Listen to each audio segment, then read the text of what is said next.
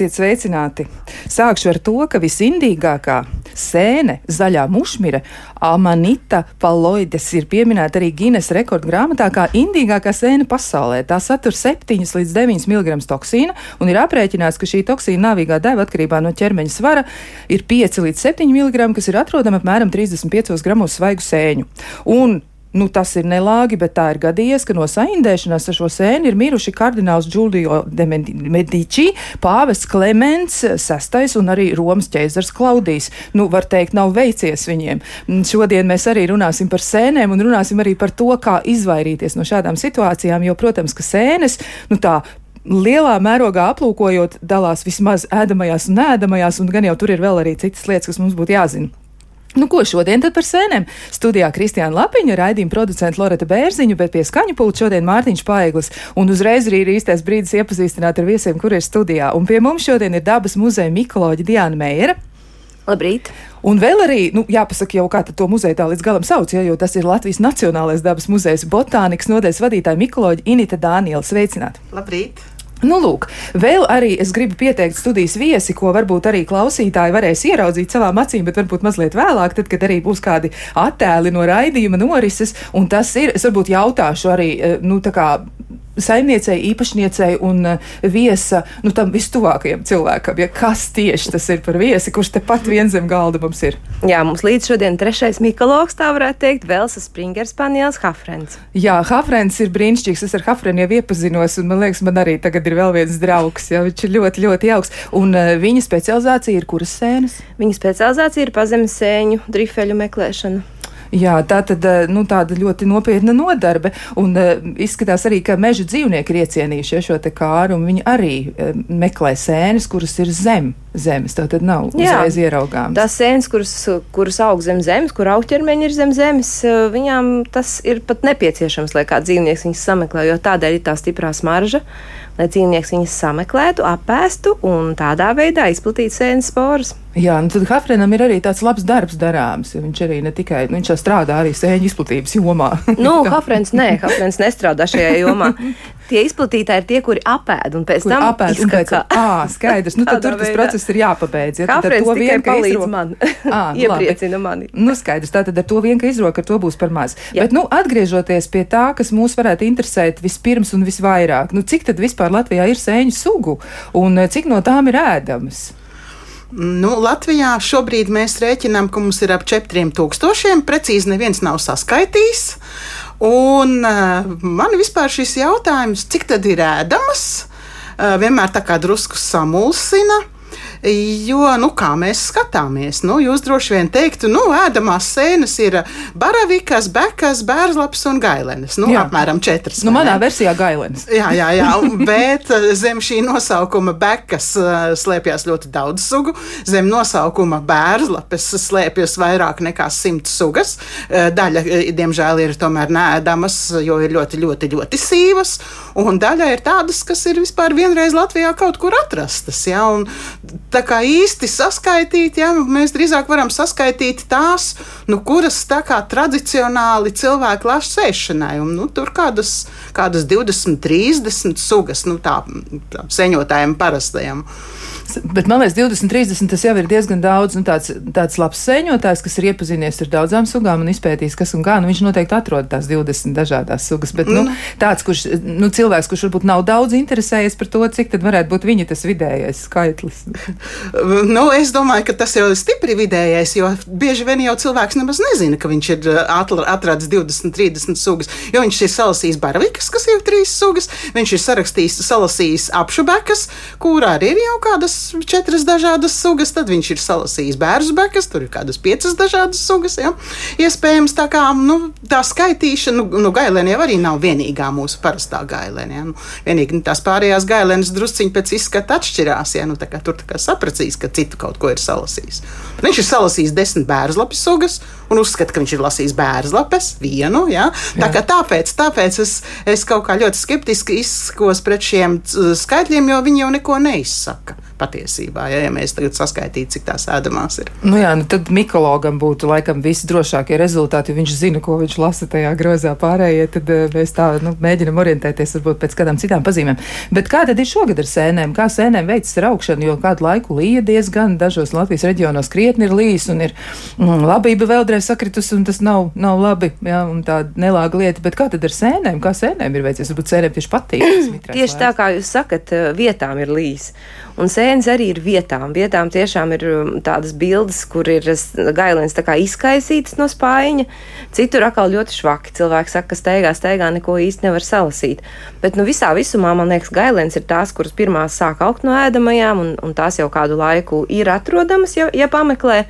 Un šobrīd pēdējās dienās ir parādījušās arī baravikas. Vasaras baravikas jau bija pirms dažām nedēļām, tās lapu kokos aug zem ozoliem liepām bet tāda segļu baravikas arī pa kādai sāk, sāk parādīties. Tā kā palēnām sākas, bet vispār, vispār visā visumā tāds karsts laiks, kas ir bijis.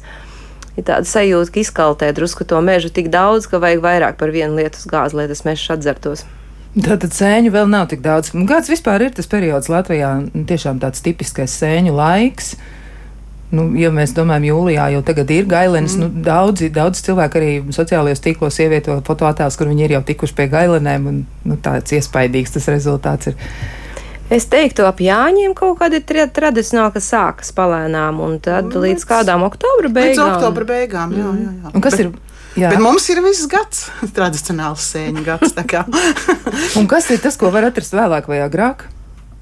no agrāk. Vispār jau visu ziemu kaut ko var atrast. Eh, eh, tas ir tikai jautājums, cik daudz var atrast ēšanai. Ja? Nu, ziemā ir uh, samtainā ziemene, jeb neīstā celmene, ir austers sānausa. Nu, tad pavasara sēnes, jau lāčpurni, tad ir maija auzenes un, un e, sēra piepes e, maijā. Nu, tā, tā, tā pamazām, pamazām, jā, bet tas, tas visvairāk jau tas tomēr ir atkarīgs no laika apstākļiem un kāds tas jūlijas reizēm, jūlijas ir, e, nu, šogad tomēr ir samērā mitrs, bet tā kā pagājušā gadā, ka bija sauss un karsts, nu, tad nekā, un reizēm arī augusts ir sauss un karsts, un septembris sākums, jā, tā kā sēnēm vajadzīgs mitrums un netik liels karstums. Nu, tā silts, ja, un, un lai tas mitrums momentā neiztvaiko, jo var jau uznākt tas pēkšņais lietus, it kā viss ir pielījis, bet nu, tas ir tā kā uz karstas pannas, ja, ka tas viss momentā iztvaiko un tas mežs vienalga ir savs. Ir vajadzīgs tāds noturīgs mitrums. Jā, un eh, rasainie rīti. Rasainie rīti, jā, tāds rēns laiks, lai būtu, tad tas būtu tiešām labi. Bet, eh, nu, lielākā problēma laikam jau tomēr ir tā, vai cilvēki atpazīst eh, tieši tās sēnes, kuras varētu ēst. Nu, kas ir jūsuprāt biežākās kļūdas, ko jūs esat pamanījuši, kādas sēnes jauc ar kurām? Šogad ir viena ļoti būtiska kļūda. Tā kā citas bekas lagā vēl nebija parādījušās, pirmās parādījās žultsbekas lielā vairumā, un šogad daudz. Un mēs jau te sekojam līdzi sociālajiem tīkliem, kur cilvēki dalās ar saviem sēņu groziņiem, un tur gandrīz katrā otrā groziņā. Žultsbekas salasītas. Ja, tās nu, indīga nav, bet nu, ļoti rūkta. Nu, ja cilvēks ir pilnīgi bez garšas kāpiņām, tad varbūt viņš var mēģināt ēst. Ja? Bet man tiešām ļoti, ļoti rūkta sēna un viena tāda sēna tajā sēņu groziņā un sabojās visu ēdienu. Ja, tad nebūs lietojams. Vai var atšķirt arī žultsbeku? Kas ir tā pazīme, varbūt, kas liek eh, cilvēkiem nu, saprast, jā, tā nav īstā sēne, nu, to nevajag. Sēne viņa ir pavisam īsta. nu, tādā ziņā, jā. bet, bet uh, sārts stobriņu slānis apakšā zem cepurītes. Tā nav ne mačālka, ne švamīte, tie ir stobriņi. Un uh, izteicis tīklojums, tumšs tīklojums uz kātiņa un ļoti rūkta garša. Nu, jāpagaršo vienkārši. Bieži vien tur tā mēlis pielikšana pat nelīdz. Nu, mazu, mazu gabaliņu var nokost, pakošļāt, izspļaut no tā neviens vēl nekad nav saindējies. Jā. Jā, bet tā tad ļoti rūkta. Sēna. Ļoti, ļoti rūkta. Jā. jā. Un tas, tas rozīgums jāpaturprātā. Jā, jā. Jā, tas viņu atšķirs no citām bekām. Labi, kas vēl? Kas ir varbūt citu gadu tādas biežākās kļūdas, ir novērojumi par to. Varbūt vēlreiz ir vērts atgādināt, jo katru gadu mēs saņemam kādu ziņu par to, ka cilvēki ir saindējušies. Nu, par mušmirēm, baltā un zaļā mušmire, kas mums ir nāvējoši indīgās sēnes. Jūs jau sākumā te eh, pastāstījāt drusciņi par zaļo mušmiri, jā, un par dažādiem šīs sēnes upuriem. Nu, tur gan jāsaka, ka tām jūsu minētajām vēsturiskajām personām, ka nu, tur jau viņiem nedaudz palīdzēja jā. konkurenti, jā, un tā kā sēnes tika tika arī tādos nu, karos izmantotas. Ja, kā, jo zaļai mušmirei jau uzreiz, nevar, ne, uzreiz neparādās saindēšanās pazīmes. Saindēšanās pazīmes parādās varbūt pat tikai otrā dienā, pat varbūt trešā dienā. Nu, tad jau tās indīgie savienojumi jau ir pa organismu izplatījušies, un tāpēc tā izglābšana ir tik sarežģīta. Nu, protams, ka mums tagad medicīna ir ļoti attīstīta un parasti jau visus izglābja, bet nu, labāk tomēr nenonākt tik tālu. Jā, nu tā, tā zaļā mušmīra, tas man liekas tāds pamatīgs biedēklis. Nu, varbūt ir arī vēl kāda ļoti indīga sēna, par ko ir jādomā, bet ko cilvēki bieži vien neatpazīst. Varbūt ir kas tāds. Ir vairākas ļoti indīgas, bet uh, tās varbūt cilvēki mazāk lasa, jo viņas tā kā neliekas pievilcīgas. Ir piemēram tāda patujāra, jeb sarkstošā šķietgalvīte, kas aug pavasara pusē. Viņa šobrīd, starp citu, arī joprojām aug. Un uh, nav gadījies dzirdēt, ka viņu gan kāds būtu ņēmis un saindējis, bet tā ir indīguma ziņā gandrīz līdzvērtīga baltai zaļai mušmirei. Un vēlāk rudens pusē aug tādas um, tīmeklenes, dažas no kurām ir ļoti, ļoti indīgas, bet nu, ar tām arī vismaz mūsu cilvēki viņas reti, kad ņem un reti, kad saindējas. Es teiktu, ka vajadzētu nevis nu, gan iemācīties tās ļoti indīgās, bet galvenokārt neņemt neko, kas, kas kaut attāli liekas nepazīstams un ņemt tikai pazīstamās sēnes. Tas ir galvenais sēņotāja likums, un ja to ievēro, tad saindēties, man liekas, ir tā gandrīz neiespējami. Bet tomēr, nu kā atšķirt indīgu no neindīgas, vai ir kādas tādas kopīgās pazīmes, kas ir vairāk raksturīgas? Ja tomēr tas ir mīts, kas nav. Kā nav. jums liekas? Man nav. liekas, ka nav tāda nav, pazīme. Nav, nav. Nu, mušmirēm visām kopīga pazīme. Ja? Nu, pirmkārt, ko jau skatās, uz, kā cilvēks skatās uz mušmiri, nu jābūt tiem punktiņiem. Nu, nav visām tās plēksnītes, varbūt pilnīgi bez plēksnītēm cepurīte. Nu, gredzens jau uz kātiņa. Gredzens ļoti maigs, trausls var nokrist, arī tā nav pazīme. Jāskatās, ir kātiņa pamatne.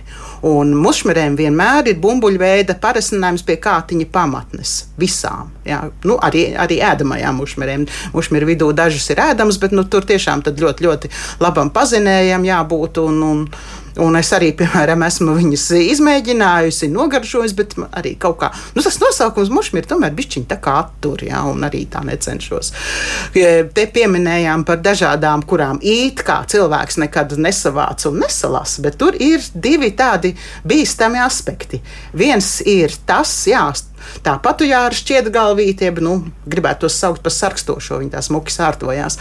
Tā ir viena no tādām lielākām šķiedrgalvītēm, bet ir daudzas tādas mazas, smīkas, smailām cepurītēm, arī šķiedrgalvītes, kas var būt nāvējoši indīgas. Nu, kā kurš gan viņas vāc? Bet mums ir viena tāda publikas daļa, kas meklē mazās brūnās sēnītes ar smailām cepurītēm, cerībā tur, tur, tur, skatīties multinītes, jā, vai, jā, vai skatīties jā, uz jā, sienu un redzēt, citu. Jā, jā, jā, un var vienkārši uztrāpīt uz nāvējoši indīgām sēnēm šādā veidā, nepazīstot.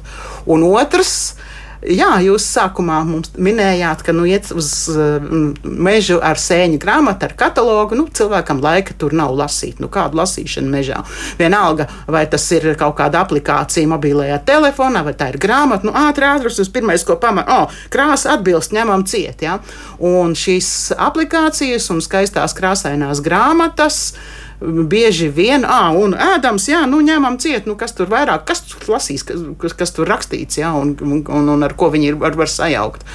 Tas ir viens tāds bīstams aspekts, vadīties pēc skaistām bildēm.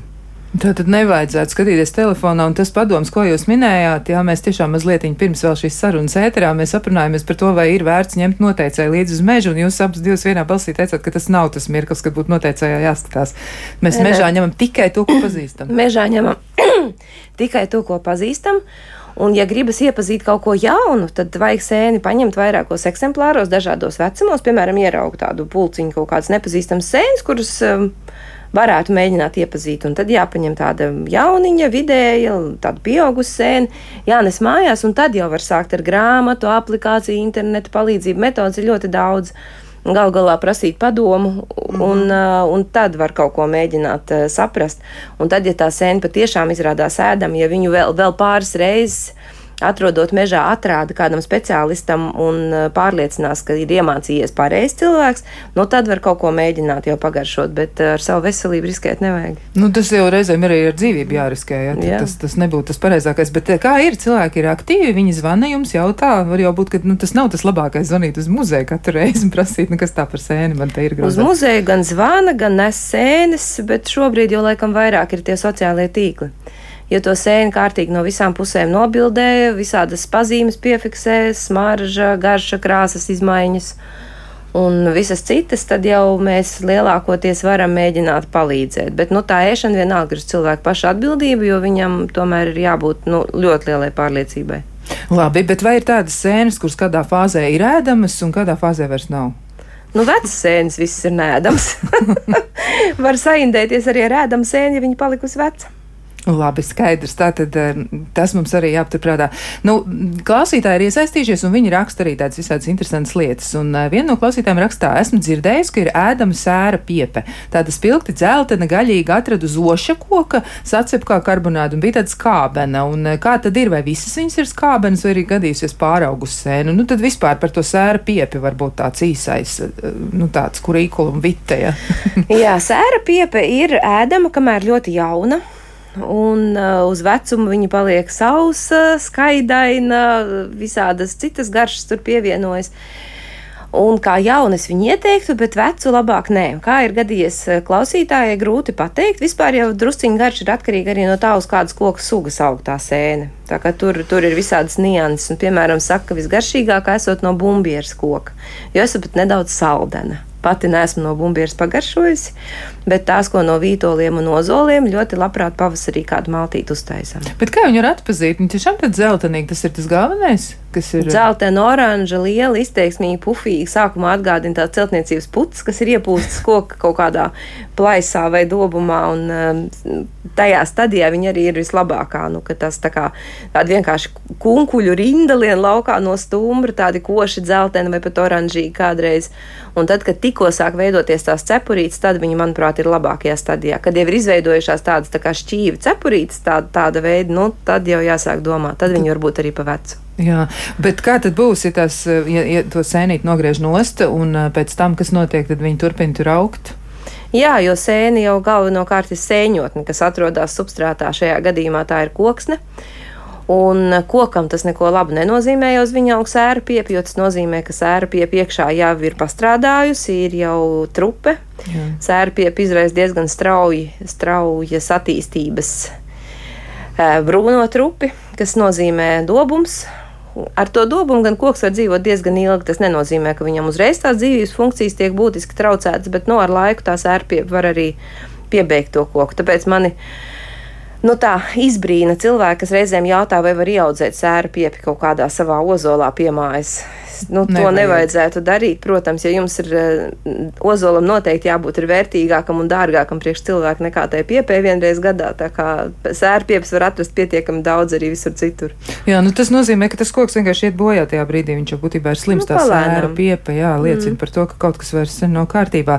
Bet, nu, skaidrs, tātad eh, mēs varam izmantot jaunas būs tad uh, lietojams. Vai ir vēl kas līdzīgs šīm sēra piepēm? Ja tas nu, ir tāds laikam. vienīgās. Nē, nu, tu, tu, tu, tas laikam, ka viņi ir, nu, kā viņu ar ko sajaukt, nu, man liekas, ne ar ko nevar sajaukt patiesībā. Nu, ja kaut kas ļoti jauniņš, nu, par ļoti jaunām sēnēm, kas, kur tiešām tie augļi tikko, tikko sāk veidoties, tas attiecās uz visām. Nu, nevajag tādas pavisam maziņas podziņas lasīt vienalga uz koka vai uz zemes vai tā tālāk, um, jo, nu, tur jau bieži vien nevar saprast, vai tā ir cepurīša sēne vai pūpēdis, un uh, vai uh, tā ir lapiņa sēne vai stobriņa sēne, kur nu vēl kaut kādas citas pazīmes nu, tik, trak, tik liels bats jau nav, ka jālasa ir pavisam kaut kas tāds maziņš, maziņš.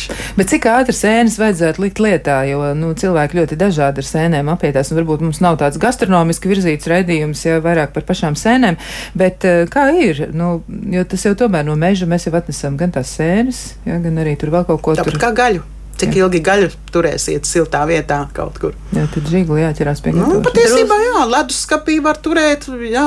Nu, tas arī atkarīgs, ja tās ja ir tāds sausākā laikā, ja tās sēnes ir vispār sausākas, nu, viņas tik ātri ne, nebojāsies. Ja ir siltas, siltā mitrā laikā lasītas, ja, ja, nu, tās ātrāk sabojāsies. Bet nu, cik ātri iespējams? Jā. Atkarīgs arī drusku no sēnes sugas, jo, piemēram, gailens, manuprāt, var pāris dienas pastāvēt tajā leduskapī ar visām citām Bekas Tā ā, nevar. ļoti ātri, bekas Jā. ļoti ātri bojā. bekas, bērnlapes. Un kā ir ar eh, to indīgumu samazināšanu, piemēram, runājot par tām pašām bērnslupēm? Jūs gan teicāt, ja ka tur ir tiešām nu, tuvu pie simta, nu tur saproti, kura ir kura, jā, nu, visas liekas ir bērnslapas. Nu, es esmu arī dzirdējis, ka cilvēki mēģina cēnas mērcēt, ja viņi salas tur, un tad, tad tur ūdens bļodā kādu laiku, un tad mēģina samazināt iespējamo indīgumu. Nu, kas ir par to jums sakāms? Nu, tās parasti, kuras mērcē, un arī, ja, ja novāro un to ūdeni nolēj, t- tās ir vairāk ā, nu, tās vielas, kas izraisa gramošanas traucējumus, nu, tieši tā sīvuma dēļ. Ja? Nu, tās ir pārsvarā dažādas pienainas, tas ir visas tās sēnes, kam piensula ir nu, bērzlaps, tās, kuras pēc novārīšanas ēdams. Ja? Un, jā, un arī tā mērcēšana patiesībā ir, lai, lai tiktu vaļā no sīvuma, jo tieši tas sīvums jā, nu, tas, tas tā kā kairina gramošanas sistēmu. Jā, nu vēl arī runājot par to, par to sēņu daļu, kuras var ēst svaigas. Ir arī tādas, nu, ir dažas, es arī par vienām izlasīju, bet, nu, tiešām tik ātri lasīju, ka ņēmu un aizmirsu, ja, par kurām bija runa, bet ir tādas, ko var gandrīz uz viesmēs uzgriezt arī mežā. Nu, mežā pirkt, fuj, tas ir veiklā pirkts atmetens, jau arī var likt salātos svaigas. Tas Jā. ir tas pats, mums jau arī dažas no tām aug mežā. Nu, protams, populārākā laikam ir eh, lielā dišsardzene. Kura jā. ir tāda sēne, kur ir ne tikai varēs svaiga, bet kura patiešām ir arī garšīga svaiga uz tās maizītes. Jo svaigas varot padrusciņai ēst arī, piemēram, baravikas. To es arī pat esmu darījusi uz maizītes uzliekot. Ir tāda plankumainā bērnslapa, kur arī labi pazīstot, protams, var kādu kumosiņu mežā uzkost. Un kāpēc labi pazīstot, ko tad viņi atgādina? Viņi arī izklausās Nu, tāda. citas bērnslapas, un ir Jā. arī tādas, bet nu, tur parasti eh, tās, kas ir nēdamās vai pat vāji indīgās, ja, nu, tās ir ļoti, ļoti sīvas pēc garšas. Ja.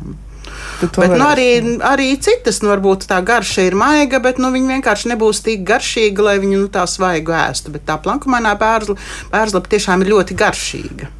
Jā, nu vēl arī klausītājiem ir sava pieredze par bērzlapēm, un viņi, eh, viņi saka tā, eh, nu, saka, ka bērzlaps var ēst pēc svaigas, jā, nu varbūt tad par jaunām sēnēm ir, ir runa, un lasot tās gadās ar rozā cepurītēm, bet tās ir ļoti rūktas un pilnībā sabojā pagatavot ēdienu. Un kas tad tās ir par tām čilī bērzlapēm, ja nu klausītāji ir iedos arī tādu nosaukumu? Nu, tu daudzas ir sīvas, nu, nav kaut kāda viena suga. E, Ir gan ar sārtām cepurītēm, gan ar tumšsarkanām cepurītēm. Jā, un t- tur viss tās sīvās var būt e, gan sīvās, gan maigās, var būt ar visdažādāko cepurītes krāsu. Tā kā cepurītes krāsa tur nelīdzēs, jā, pateikt, vai kātiņa krāsa. Bieži vien uzskata, nu, tās ar sārto kātu, tās ir tās sīvās. Nē, tur, tur ir ar sārtu kātu ir gan sīvas, gan maigas, ar baltu kātu ir arī gan sīvas, gan maigas, ja tā kā tas nav rādītājs. Jā. Nu, tur tiešām, nu, īpaši, ja ceptās bērnslapa karbonāts, nu, tur katru vajag patiesībā pagaršot. Jā. Nu, rekā. Nu, vēl arī klausītāji saka par celmenēm dažus vārdus. Ja, ka bērnībā vecmām vārīja celmeņu zupu, un tā bija ļoti garšīga. Un gribētu uzvārīt celmeņu zupu, bet neesmu droša, mm, nu, ka tās, vai tās nav suņu sēnes, ja tās indīgās. Un kā saprast, vai celmeni ir ēdama, kādas pazīmes tad ir tai, ko var ēst, un tai, ko nevar ēst. Nu, tad, kuru tad mēs varam zupā likt? Nu, ko mēs saucam par celmenēm? Reizēm cilvēki par celmenēm sauc visas sēnes, kuras aug tādās čupiņās uz celmiem, bet uh, tur ir variācijas. Tur ir, piemēram, mainīgā pacelmene, kas ir uh, ēdama. Tā ir tā labākā zupa. kā viņi izskatās, Jā. uzreiz pastāstīt.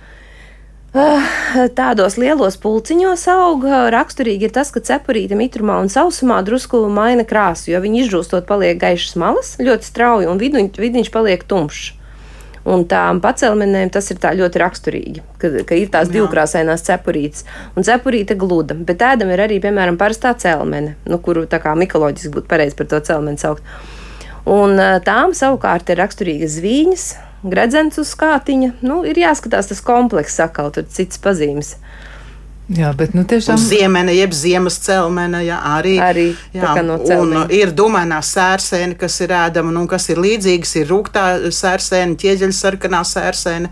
Nu, tās abas ir ļoti rūktas. Jā, nu, rūktā sērsēne ir arī vāja indīga, bet nu, viņi neviens nevar apēst tādos daudzumos, lai varētu saindēties, jo viņi patiešām ir ļoti rūkta. Nu, viņi, viņi vienkārši nevar iēst. Jā. Bet eh, vai tas varētu būt tāds pareizs pieņēmums, nu, vismaz vadoties, uz, nu, raugoties uz tiem dabas likumiem? Likumiem, ja tas, kas ir ļoti, ļoti ar spēcīgu aromātu eh, vai, vai ļoti rūkts, piemēram, ja, un nepatīkami rūkts vai nepatīkami smaržu, ka tas varētu būt nu, viens no tādiem faktoriem, kas varētu teikt, jā, kritērijs, ja, ka tas ir indīgs. Vai tā ir? Nē, tas nav indīgs, tas ir negaršīgs. Nav obligāti rūkts indīgs un sīvs indīgs. Tas ir vienkārši negaršīgs. Tāpēc, jo mums ir vienkārši nēdamās sēnes, un ir indīgās sēnes. Savukārt, indīgās var būt pat ļoti garšīgas. Tas nav rādītājs. Un runājot par stiprām smaržām vai smakām, tās pašas slavenās trifeles, viņām ir ļoti stipra specifiska smarža vai smaka, kā nu kurš cilvēks eh, domā. Tā kā tas arī, tam arī nav nekāda sakara ar indīgumu.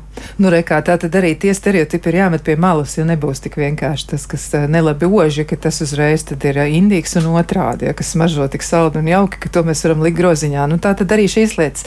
Jā, nu vēl ir diezgan daudz ko runāt un arī daudz jautājumu, bet tos mēs visus uzdosim pēc īsa brīža. Kā labāk dzīvot? Turpinām sarunu par sēnēm, un mūs interesē daudzas lietas, gan tās, kas attiecas, nu, piemēram, uz sēņu atpazīšanu, kā tad mēs varam to labāk un pareizāk izdarīt, gan arī, protams, mums jānoskaidro, nu, kā tad tikt galā ar to mūžīgo mīklu, likt groziņā, nelikt, kas tas īsti ir. Nu, kāds izskatās mikologa sēņu grozs? Nu, ak, šausmas. Jā, nu, man ir aizrādījuši, tad, kad es braucu vilcienā, cilvēkiem groziņā bāravikas, apšubekas, gailenes. Man visādas, nu, kā cilvēks parastais jau saka, suņu sēnes. Man ir cilvēki aizrādījuši, nu, tās taču tādas, tās taču nav ēdamas. Es saku, zinu, es pati nēdīšu. kā viņi reaģē uz šo frāzi?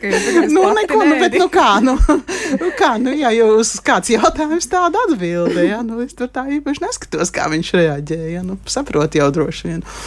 Jā. Tad ir, Man gribētu uzdot arī jautājumu par to. Jums ir abām divām kopīgs eh, veikums, un tas ir ļoti vērtīgs un nepieciešams mums visiem. Tas arī ir viens no tādiem, nu, manuprāt, labiem palīgiem. Jā, es redzu, uz galda ir lielā Latvijas sēņu grāmata, un tiešām ļoti iespējams nosaukums, un gan jau, ka tur arī ir ļoti daudz vērtīgas informācijas.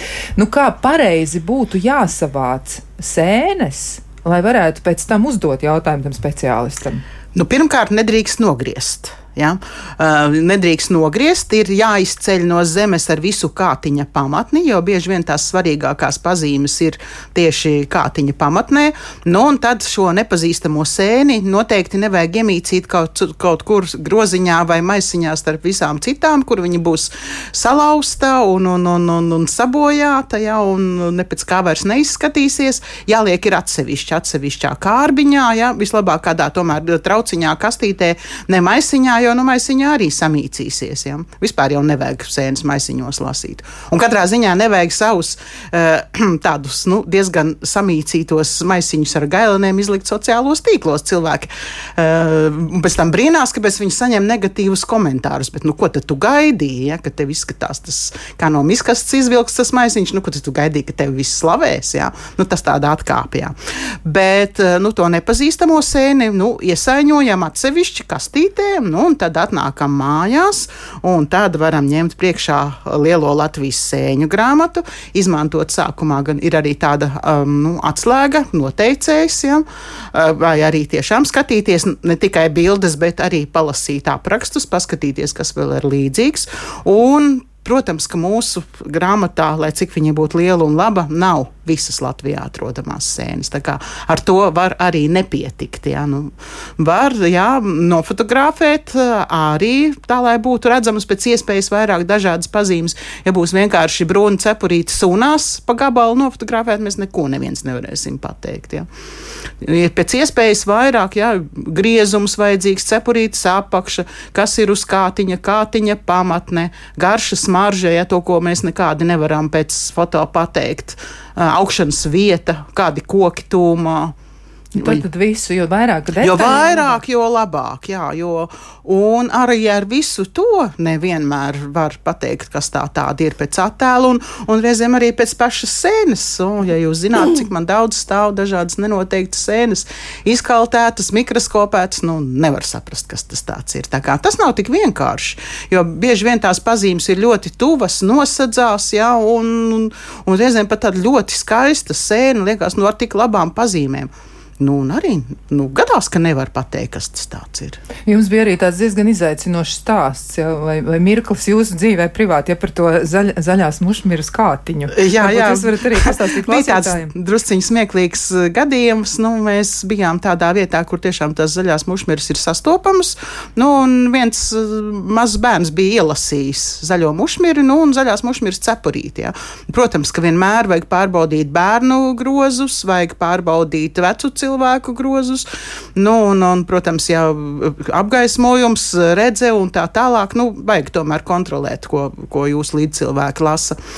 Un mēs, protams, ka to cepurīti izmeta. Jā, nu, mēs tur jau bijām tās sēnes jau sagatavojuši un apēduši. Un tad kāds vienkārši palaida tādu jociņu, interesanti, kur tās zaļās mušmiras kātiņš pazuda. Un tad mēs tādu visu tādu ļoti domājam, it kā jau likās, ka nu nevar būt, jā, jo nu, to grozu šķiroja, nu nemētājās tur atsevišķi kaut kāds nepazīstams kātiņš. Jā, bet nu, tā doma tāda, jā, jā, nu, jā, nu bija tomēr kaut kas. zinām spriedze. Jā, jā, neliela spriedze bija. bija. jā, nu, vairāk humoram, protams, tā spriedze bija, bet, bet nu, drusciņi bija. Jā. Jā, nu vēl klausītāji arī jautāja tādas lietas, piemēram, cepot sēņu karbonātus no bērzlapēm, novelku krāsaino plēvīti. Dažreiz cepurīti joprojām ir krāsaini, vai tas ir kaitīgi uzturam vai nē, vai tas kaut Nē, ko maina? nē, nē, nē. nē ja? Nekādas krāsas, neviena krāsa pati par sevi, neviena krāsas izmaiņa pati par sevi nav kaitīga un bīstama. Jā, mums ir arī kāds klausītājs zvans. Mēs tūlīt arī uzklausīsim, kas ir sakāms. L- Tā tūlīt, tūlīt. Jā, mēs klausāmies. Uh, labdien! Sakiet, lūdzu, vai gailenes svaigas var ēst? Jā, paldies par jautājumu. Tātad, vai var ēst svaigas gailenes? Kā tad ir? Nav taču garšīgas svaigas. Jā, Nē, it, viss- kā, it kā var, bet nav jēga. Nav vajadzība. Man liekas, arī daudz svaigas gailēnas ēst kuņģim būs grūti, jo sēne tomēr nav tas vieglākais pārtiks produkts. Un, jā, pagaršot var, nokost var nekādu vainu. Nekas traks nenotiks. Bet, nu, garšīgi nebūs. Nu, labi, bet mums ir jāpievēršās arī mūsu trešajam viesim, kas ir tepat studijā. Viņš tagad atpūšas eh, zem galda. Ir tāds ļoti saguris, laikam, no visas šīs spriedzes un situācijas maiņas, bet tomēr, nu, kā tad ir, ko tad Hafrens dara mm, ar, ar eh, trifelēm? Nu, kā tas notiek? Jo es esmu lasījusi arī par citām zemēm, piemēram, Francijā. Es zinu, ka izmanto ne tikai suņus, bet arī cūkas, jā, lai atrastu, jo ir tāda, nu, tā cūkām arī ļoti spēcīgi attīstīta oža, un tur ir trifeļu cūkas, ja tādas. Jā, meklēšana ar cūkām laikam ir senāk nekā meklēšana Jā. ar suņiem, jo cūkām ir uh, iedzimta tieksme to darīt. It īpaši cūku dāmām, kurām uh, tā smaka liekas vis, vispār neatvairām, bet viņas meklē ar mērķi tās sēnes apēst. Jā. Jo tad, kad viņi to trifēlī atrod, tad saimnieka galvenais uzdevums ir uh, izdarīt kaut ko tādu ātri, lai viņi neapēstu. Ieliek Liek- liek uzpurnīšus Jā. cūkām, vai ātri, ātri dod kaut ko citu garšīgāku, bet, nu, ja cūka ir izdomājis, ka viņai vajag tieši to trifeli, tad nu, tur ir grūti. Un, eh, tāpēc nu, jau pāris gadsimtus, es teiktu, eh, tie trifeļu suņi tomēr ir populārāki par cūkām. Starp citu, ir vēl citas metodas meklēšanai trifeļu. Ir daži cilvēki, kuriem ir ārkārtīgi laba oža, un viņi arī var četrāpus staigājot pa, nu, pa mežu vai drīzāk pa dārzu, droši vien trifeļu stādīto uh, trifeles atrast, un vēl ir tāda metode kā ķeršana ar mušiņām. Tas ir Francijā vesela tāda izklaides. Varētu teikt, šobrīd, um, kad uh, agrā rītā ar garu baltu mietiņu iet pa mežu pret sauli. Un skatās uz zāles stiebriem, un ar to, ar to mietiņu tā lēni kustina tos zāles stiebrus, un tajā vietā, tur, kur paceļas to speciālo īpašo mušiņu bars, tur, tur tad var rakt un meklēt trifeli, jo e, šīs konkrētās mušiņas, viņas dēļ oliņas trifelēs, tāpēc viņas tur pulcējas bariņiem. Lūk, nu, bet atgriežoties pie suņiem, tā laikam ir tāda populārākā metode šobrīd. Jo, ir, ja ir jāpārvietojas no viena meža uz otru, tad ar suni noteikti ir ērtāk ar cūciņu. Un uh, suņus trenē trifeļu atrašanai visdažādākās šķirnes. Es esmu bijusi sacensībās, viņiem notiek arī tādi čempionāti trifeļu meklēšanā ar suņiem.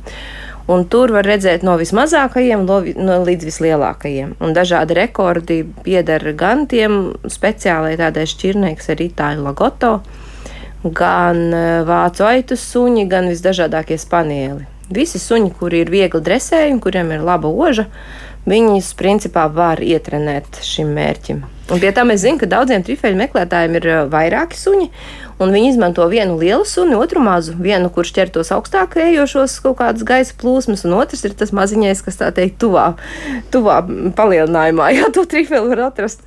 Un tad, kad viņi abi satiekās un abi tā ļoti luncina astes un visādi tā izaicinoši uzvedās, ir skaidrs, tur noteikti būs. Ja? Nu, katrs saimnieks savādāk ietrenē to trifeli parādīt. Ir tādi, kur ar ķepu tā kā paroka, bet viņš arī mm, vajadzētu būt tā, ka suns viņu neizrok, jo var sabojāt ar nagiem.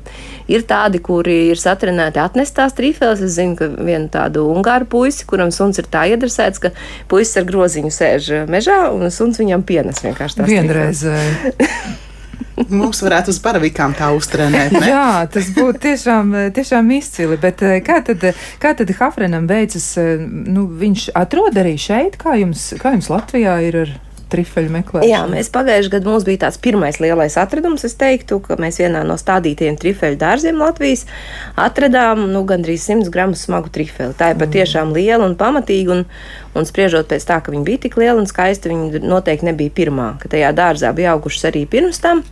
Bet, nu, tā kā tā trifeļa augšanas sezona, tāpat kā citām sēnēm, ir no jūlija vidus līdz kaut kādām oktobra beigām, viņi jebkurā brīdī var parādīties, un tu atbrauks pēc nedēļas, viņas vairs nebūs. Tā kā trāpīt tajā īstajā vietā, īstajā laikā, nu, mums beidzot paveicās. Nu, izklausās iespaidīgi, ļoti, ļoti liela. Jā, sajūsma bija liela. Jā, trifels ir tāds ekskluzīvs, ir tiešām. Nu, vēl arī klausītāji raksta, ka visgaršīgākā karbonāda ir no saussardzenes, un žēl, ka tā aug tikai pavasarī un vasaras sākumā. Tā ir saussardzene. Nav pavasarī, rudens sēne. Nu, vasarā jā, bet vispār rudenī arī ir. Septembrī noteikti, nu, varbūt vēlā rudenī vairs nav. Un tā ir dišsardzene. Sausardzenes ir maziņas, un dišsardzenes ir lielas. Tā, Jā, lai nu, tad varētu to arī tad var paskatīties, Jā, jā, jā. jā. atšķirās. Tas tā speciāli, nu, nevienmēr mēs mainām tos latviskos nosaukumus, bet šeit tas ir būtiski, jo starp tām sausardzenēm, kuras ir maziņas, uh, tur ir pat vairākas ļoti indīgas sēnes. Bet nu, viņas patiešām ir tad ļoti, ļoti maziņas, un tās neviens seņotājs nelasa. Jā, bet dišsardzenes, tās lielās, skaistās un ēdamās, tās ir dišsardzenes. Jā, labi, skaidrs. Bet um, arī vēl runājot par tām sēnēm, kuras varētu dārzos audzēt, kuras tad tās ir? Vai, nu, piemēram, trifeļu dārzs, tas izklausās tik izaicinoši. Jā, tas tiešām ir izaicinoši.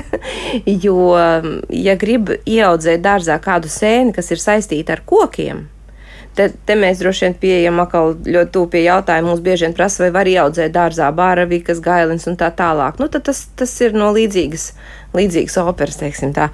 Jo viņas pieder pie mikorizes sēnēm, un mikorize nozīmē to sadarbību starp koka saknēm un, un sēnes sēņotni. Un šīs manis nosauktās sēnes bez tā koka klātbūtnes augt nevar. Un eh, tāpēc trifeļu dārsts konkrēti izpaužās tā, ka stāda pavisam mazus eh, koku stādiņus, kuriem laboratorijas apstākļos ir uz saknēm jau uzaudzēts tas trifels micēlijs. Un, ja tādu pašu veidu izmantotu baravikām, gailnēm un tā tālāk, tad varētu gaidīt līdzīgu rezultātu. Bet pagaidām vislielākie panākumi šai jomā tomēr ir ar trifelēm. Var starp citu tādus nopirkt arī ar eh, sviesta bekām, baravikām, bet nu, man ir sajūta, ka pie mums drīzāk viņas pašas labāk izaugs nekā tur pirkt samērā dārgus stādus, tādos kontrolētos apstākļos audzētus. Bet, eh, principā, tas ir iespējams. Ja kādam ienāk prātā šāda doma, izveidot trifeļu dārzu, tad Nu jā, Mūsu Latvijā, Latvijā tādi vairāk ir. Un, uh, es jau no paša sākuma teicu, ka man ir pārliecība, ka trifels noteikti izaugs, jo bioloģiski viņām tas pienākās to darīt. Un klimats ir pietiekoši, pietiekoši atbilstošs. Bet par to, cik liela būs raža un vai tas no tā cilvēkam sanāks tāds liels bizness, nu, tas ir atkal smagāks jautājums. jā, nu, trifels jau tomēr maksā diezgan daudz, bet atkal labs jautājums, cik tad viņš tur daudz ir. Nu, tieši tā. Jā. Nu, tā kā tur tā nevar paredzēt tik viegli tās visas lietas. Bet vēl arī jautājums par to, nu, vai pieņemsim tādi, nu, arī stereotipiskie pieņēmumi par to, ka, nu, es tagad izbārstīšu tur savus gaileņu drusciņas, ja ko es mērcē nelieku savā dārzā izkaisīšu, man izaugs gailens. Un dažreiz arī cilvēki kaut ko tādu ir iedomājušies. Nu, varbūt, ka to arī vajadzētu mazliet paskaidrot, ka tas gluži nesanāks. Nu, ja ir attiecīgais koks, jā, un, nu, tad var arī sanākt, jo ir arī gadījumi tiešām, kad cilvēki uh, kaisa dažādas tās, tās sēņu atliekas, jā, gan, gan gailenes, gan bekas. Nu, un, ja ir attiecīgās koku sugas, jā, jo, piemēram, tā nu, gailene diezgan plaša. Gailene var gan zem bērza, gan zem priedes, jā, pat ozoli. Un, un, kā, bet nu, tur ir jābūt tam kokam un vēl ir jābūt brīviem dzīvokļiem, jo kokam jau parasti ir mikoriza ja, pie, pie saknēm kaut kāda. Ja, nu, tur ir jābūt kādai brīvai vietai, kur vēl kaut kas var pieķerties. Ja. Bet no nu, mikoriza sēnēm tiešām nu, ir grūti. Vieglāk ir eh, koksnes noārdītājs sēnes, kuras bieži vien uzrādās dārzā ne, ne sauktas, ne lūgtas. Vienkārši, nu, kā tagad ir moderni, kaisīt mulču, nu, un tad uz tās mulčas tur saug viss kaut kas gan, gan ēdams, gan netik ēdams. Ja, un tad tikai tikai nu, jāmāk pazīt, jā, nu, kas man tur ir izaudzis. Tur, tā kā, tas tā diezgan, nu, tas tā pilnīgi normāli, ja jūs kaisat dārzā mulču, nu, kādam taču tas ir jāsadala, un tas, kas to sadalīs, tās būs sēnes, nu, tas ir neizbēgami. Jā, nu, vienīgi jūs to mulču gribat tik tālu saindēt, ka tur nekas neaug, jā, nu, diez vai tas ir tas labākais variants. Diez vai, jā. Nu, vēl arī jautājums par to, nu, tā tad vai var kādu sēni arī audzēt, nu, tādos ļoti kontrolētos apstākļos. Nu, ir arī nu, rūpnieciski, protams, audzē sēnes, ēdamās sēnes, un tad mēs viņus arī veikalā varam ieraudzīt. Bet vai mēs varam arī mājas apstākļos audzēt kaut ko, kur varētu būt nu, tāds drošāk ticams rezultāts, kā, kā par trifelēm runājot? Jā, protams, man arī mājās ir augušas sēnes. un um, visbiežāk tās, kuras audzē kontrolētos apstākļos, ir dažādas austeru sēņi, ja pareizāk sānaušu sugas, gan austeru sānausi, gan ir tādas sārtās, gan dzeltenās. Gan uh, vispār ir diezgan daudz sēņu sugu, kuras, kuras tādās kārtīgās audzētavās audzē. Austeru sānaus ir viena no visvienkāršāk audzējamām, un veikalā var iegādāties tādas audzēšanas komplekts vai internetā pasūtīt, un, un atnāk maisiņš, kurā ir substrāts, kurā ir iekšā micēlīs. Un tad, eh, sekojot instrukcijai, kas ir uz šiem komplektiem, tad var izaudzēt mājās arī austrasēnes. Bet kāda apstākļa viņai ir vajadzīga mājās? Nu, tas ir jāimitē mežs, ja viņai tur nē, būs galvenais, ir, galvenais ir gaisa mitrums, gaisa piekļuve. Pietiekami daudz, nu tur tie divi faktori kaut kā jābalansē. Viens ir, ka viņai jābūt ir mitrumā, tas nozīmē, ka viņai vajadzētu ar kaut ko vai nu turēt ļoti mitrā telpā, kādas dzīvoklī parasti nav, vai nu likt virsū kaut kādu maisiņu vai kasti vai kaut ko tādu, caurspīdīgi, drusku gaismai arī jābūt. Bet tai pašā laikā, ja nebūs pietiekami daudz gaisa, tad tā austrasēna izstīdzēs un viņa nebūs tāda īpaši daļa. Tāpēc tur jābalansē tas vēdināšana un mitruma, mitrums. Labi, skaidrs. Tātad to mēs arī varam pamēģināt. Nu, varbūt kādam izdodas. Jā, nu, tā ļoti viegli liekas. Jā, Nē, nu, tos kompleksus, kurus pārdod, viņi ir diezgan uzticami. Viņi ir jau tādā stadijā, tur jau visi iepriekšēji augšanas procesi ir notikuši. Mums tajās mājās nav jāimitē viss process, sākot no tā, kā sēnes spori sāk augt un tā tālāk. Jo tie pērkamie viņi jau ir sagatavoti ražošanai. Viņi jau ir gatavi uzsprāgt, tas micēlīs ir nobriedis un gatavs augšanai, un tad viņam iedod to gaisa padevi, no, uzgriežot tur, um, uz, izveidojot caurumu tajā maisā. Un tad uh, mitrinot tajā mitrajā gaisā un tad viņa vienkārši ir, viņai gribas augt, un tad viņa skaisti izaug. Nu jā, bet, protams, vienmēr būs cilvēki, kas ies uz mežu. Ja ne jau visi gribēs audzēt cēnas mājās, jo tas nozīmē kaut ko vēl. Droši vien arī tā pastaiga un tas gaiss un visas tās lietas, un tas azarts, ja ieraugt to sēni, tad ir tāds uzbudinājums un gribas kaut ko vēl darīt. Bet kā ir ar mm, sēņu lasīšanas, nu tādu nu, varbūt tāda labās uzvedības eh, nosacījumi mežā, ja? nu, kas būtu jāievēro, nu, ko nevajadzētu darīt, nu, kā būtu pieklājīgi uzvesties mežā, lasot sēnes. Nu, pirmkārt, eh, ēšanai lasītās griezt. Ja? Griezt ar nazi, būs mazāk gružu, uh, uzreiz redzēsim kāpuru caurumiņus, ja? tad sēnes lasīt grozā nu, varbūt vēl spainīt, bet nu, spainītas tur gaisa apmaiņa nenotiek. Jā. Grozā un nevis visādās kuļķenēs, jā, kur mums būs tur samīcītas sēnes. Jā, un, Um, nu, kas vēl, protams, nelasīt kaut ko ļoti, ļoti maziņu, neplēst sūnas. Jā, nu, tas ir tas, nu, arī tieši tāds labas uzvedības nosacījumi. Nu, un varbūt necensties pret, pēc to vēl vairāk, vēl tālāk, vēl vairāk, vēl vairāk, vēl lielākus kalnus, vēl lielākus grozus, pilns bagāžnieks vēl. Nu, nu, es saprotu, ka varbūt tur daži tur lasa tiešām rūpnieciskās apmēros, un cilvēkiem tas ir izdzīvošanas līdzeklis, jā, bet nu, nu, tomēr izturamies pret to, kā nu, tā nav raža. Man kaut kā ļoti nepatīk, ka saka sēņu raža. Raža ir tur, kur mēs paši esam izaudzējuši. Tur mēs neko neesam neesam audzējuši. Jā, nu, dāvana, nu, pat ne dāvana varbūt. Jā, nu, neko jau speciāli tās sēnes jau cilvēkam neaug.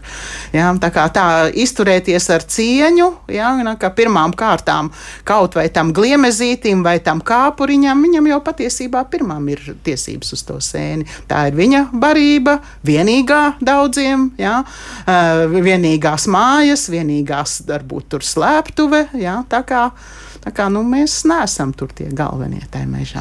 Nu, tad kāpuriņam pirmā roka, ja? Jā, jā, jā kāpuriņam tomēr ir pirmā roka. jā, bet par tām sūnām arī man citreiz ir tādas izjūtas ļoti, ļoti tā, nu, es jūtos personiski aizskart, ka es skatos mežā, kā cilvēki ir izrīkojušies ar sūnām un liekas, ka tur nu gan ir tāds, nu, cūciņu bars gājis pāri un man šķiet, ka tas ir ļoti, ļoti izpostījis mežu. Kāds tad varētu būt iespējas uz sēnēm nākamajā gadā, vai viņas tur vispār augs, vai tas arī nodara to postījumu tiešām? Nu, reizēm jau tās tiešām ir cūciņas, kas to ir darījušas, jo viņas arī Jā. tur mežā diezgan staigā. Es teiktu, ka, ja to ir darījuši cūciņas, tad ir ok, jo, jo sēnēm reizēm arī vajag to atklāto augsni galu galā, kur iesēties jaunām eh, gan sēņu sporām, gan augu sēklām. Tā kā tas dabiski, ja tas notiek, tas, tas nav nekas slikts, manuprāt. Bet tad, kad cilvēks šādi sāk uzvesties, nu, tas jau ir cits jautājums, jo cilvēks var daudz lielākā apjomā un tā tālāk. Un tā nevajadzētu, kaut arī nu, tādu morāli estētisku iemeslu dēļ. Jā, tas tiešām vairāk estētiski iemeslu dēļ, jo, jo, jo nu, tomēr es domāju, ka cilvēks tomēr tā visu pārrakt, kā to dara meža cūks, nu tomēr nav spējīgs. Jā. jā, nu labi, nu tad noslēdzot mūsu sarunu pašās beigās, varbūt pasakiet tomēr tās indīgās sēnes, nu tad kuras ir tās, kurām ir jāielec, kā saka, acīs, jā, uzreiz, kuras noteikti, noteikti vajadzētu mēģināt vismaz atpazīt. Zaļo un balto mušmiri pirmām kārtām, jā, nāvējoši indīgas sēnes, un pēc tam var sākt domāt par pārējām, no ko vēl. Jā, nu, un tad varbūt vēl kāds novēlējums, nu, nezinu, par tām, jā, un šī gada, nu, tad tas jauninājums, ja bija par tām bekām, kas bija tik traki rūktas, ja tās neņemam. Nu, mans ieteikums būtu mēģināt vairāk pievērst uzmanību arī tām citām sēnēm, tām suņu sēnēm. Mm, papriecāties par viņu daudzveidību, to dažādību mežā, skaistumu un pievienoties kādai no sēņu entuziastu grupām, kur man liekas ļoti ātri var kļūt arī par šo sēņu vērotāju un sēņu atkarīgo pavisam citā nozīmē, jau nevis to kalnu vācēju, bet to interesantumu vācēju. Sēņu vērotāji? Jā. jā. Kā putnu vērotāji? Ja? Jā, tā, tā, jā, jā pareizi. Ornitologam taču vienmēr neprasām, vai tas putns ir ēdams. Jā, tas gan, tas ir ļoti labs salīdzinājums. Tiešām paldies par to, ka jūs tā arī ļāvāt ieraudzīt citu, citu pusi tam visam. Nu, tad vēl pats pats pēdējais jautājums, jautājums par vēlna pirkstiem. Atradu piemājā, vai vajadzīgs ziņot un sūtīt kādam par atradumu, vai varat komentēt šo sēnu. Nu, tad pēdējais teikums. Pirmais jautā, atpakaļ jautājums, ko jūs sauc par vēlna pirkstiem? Pirmkārt, vajadzētu atsūtīt bildi, lai saprastu, kas tas tiešām ir. Un, uh, Tu vari paturpināt? Nu, jā, lai ieliek bildi Latvijas, mm. mūsu grupā Latvijas mikologu biedrība un draugi, un tad jau mēs sapratīsim, par ko runā. Jo nevienai jā. oficiālais nosaukums nav vēlna pirksti. Jā, tas mm. ir kā, kārtējais tautas nosaukums. Mēs nezinām, kas šajā gadījumā ir domāts. Man vismaz divi varianti nāk prātā. Nu, rekā, nu tad noteikti jāizsūta bildi, sīki smalki, jo vairāk detaļu, jo labāk, un tad jau arī varēs eh, speciālisti pateikt. Nu, šai mirklī saku paldies gan e, Latvijas Nacionālā dabas muzeja botānikas nodeļas vadītājai Mikolai psiholoģijai In Initai Dānielai, gan arī muzeja mikoloģijai Diānai Meirai. Un, eh, protams, saku paldies arī, arī Havrenam, kurš tepat piedalās arī raidījuma veidošanā un ir aktīvs eh, klātesošs dalībnieks. Bet klausītājiem savukārt mēs novēlēsim, nu tad lasiet tikai to savā grozā, ko pazīstat, un tad mājās nonākuši, nu tad mēģiniet pētīt sīkāk, kas un kā. Bet mēs ar jums tiksimies jau rīt, bet kas tas tieši būs, tas jau būs atkal pārsteigums. Lai jums interesanta diena un izdodas viss, ko esat plānojuši.